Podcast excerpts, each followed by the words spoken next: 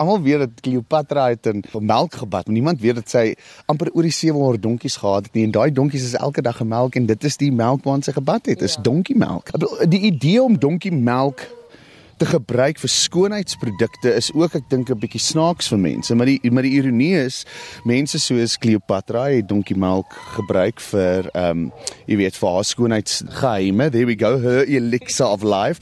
En mense soos Hippokrates die die die vader van medisyne het ook donkie melk gebruik. So hierdie hierdie idee om dit te gebruik nie net as medisyne nie, maar as skoonheidsprodukte kom al vir duisende jare. Ons weet dit net nie want ons we don't have the educate we've not been educated, jy weet. So jy praat nou van produkte. Watter produkte spesifiek kyk ons na? Okay, wel ons het ehm, 'n um, paar produkte. Ons het die donkiemelk seep wat uh, heeltemal organies is en daar's geen preservatives in nie. So dis 'n baie natuurlike, dis 'n absolute organiese en natuurlike produk.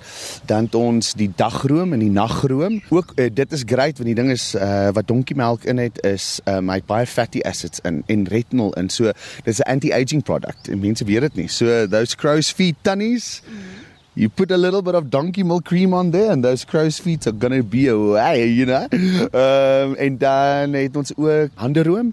Ehm um, en dan het ons ook hande seep om jou hande te was, jy weet nadat jy by die badkamer was. So ons het 'n paar produkte en as mense, jy weet, nadat wil kyk en hulle natuurlik na ons webwerf toe gaan en daar gaan uitcheck en so aan. Ek is nou hier op die plaas en dit is my baie lekker om so baie donkies te sien, maar terselfdertyd sien ek ook baie bokke. Doen julle enigsins iets met die bokke? Ja, ja, ja, die bokke wat ons het is Nigerian dwarf goats en ehm um, wil eersins ons verkoop hulle ook aan die publiek. Ons melk hulle ook indien mense melk wil hê want hulle is ook baie goed vir uh Hallo Pandora. Hey Pandora.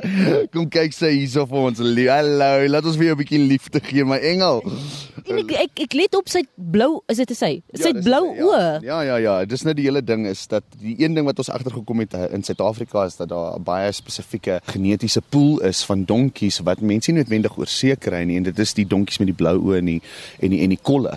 En dit het ons nou al 6 jaar gevat om eintlik hierdie hele proses aan die gang te kry. En dit is baie moeilik, jy weet, elke kry al het jy die regte genetika om 'n blou oog donkie te maak, is die kans net 25% dat jy wel uh, spotted blue eyed val in elk geval gaan kry. So 1 uit 4 gaan moontlik wees al het jy die regte genetika. So dis 'n baie lang proses wat ons doen.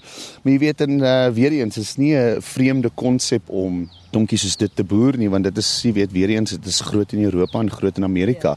Maar die ding wat hulle nie het nie is hulle het nie die blou oë nie. Hulle doen die bonddonkies, maar ons doen bonddonkies met blou oë en dit is nogals amazing om die terugvoer te kry van die Amerikaners wat op ons webwerf gaan en dan vra hulle vir ons oor genetika en DNA. Ja. En vir ons eh, natuurlik is dit 'n great plek om te wees want jy voel okay, wel ons is besig om iets ongeloofliks en spesiaal te doen.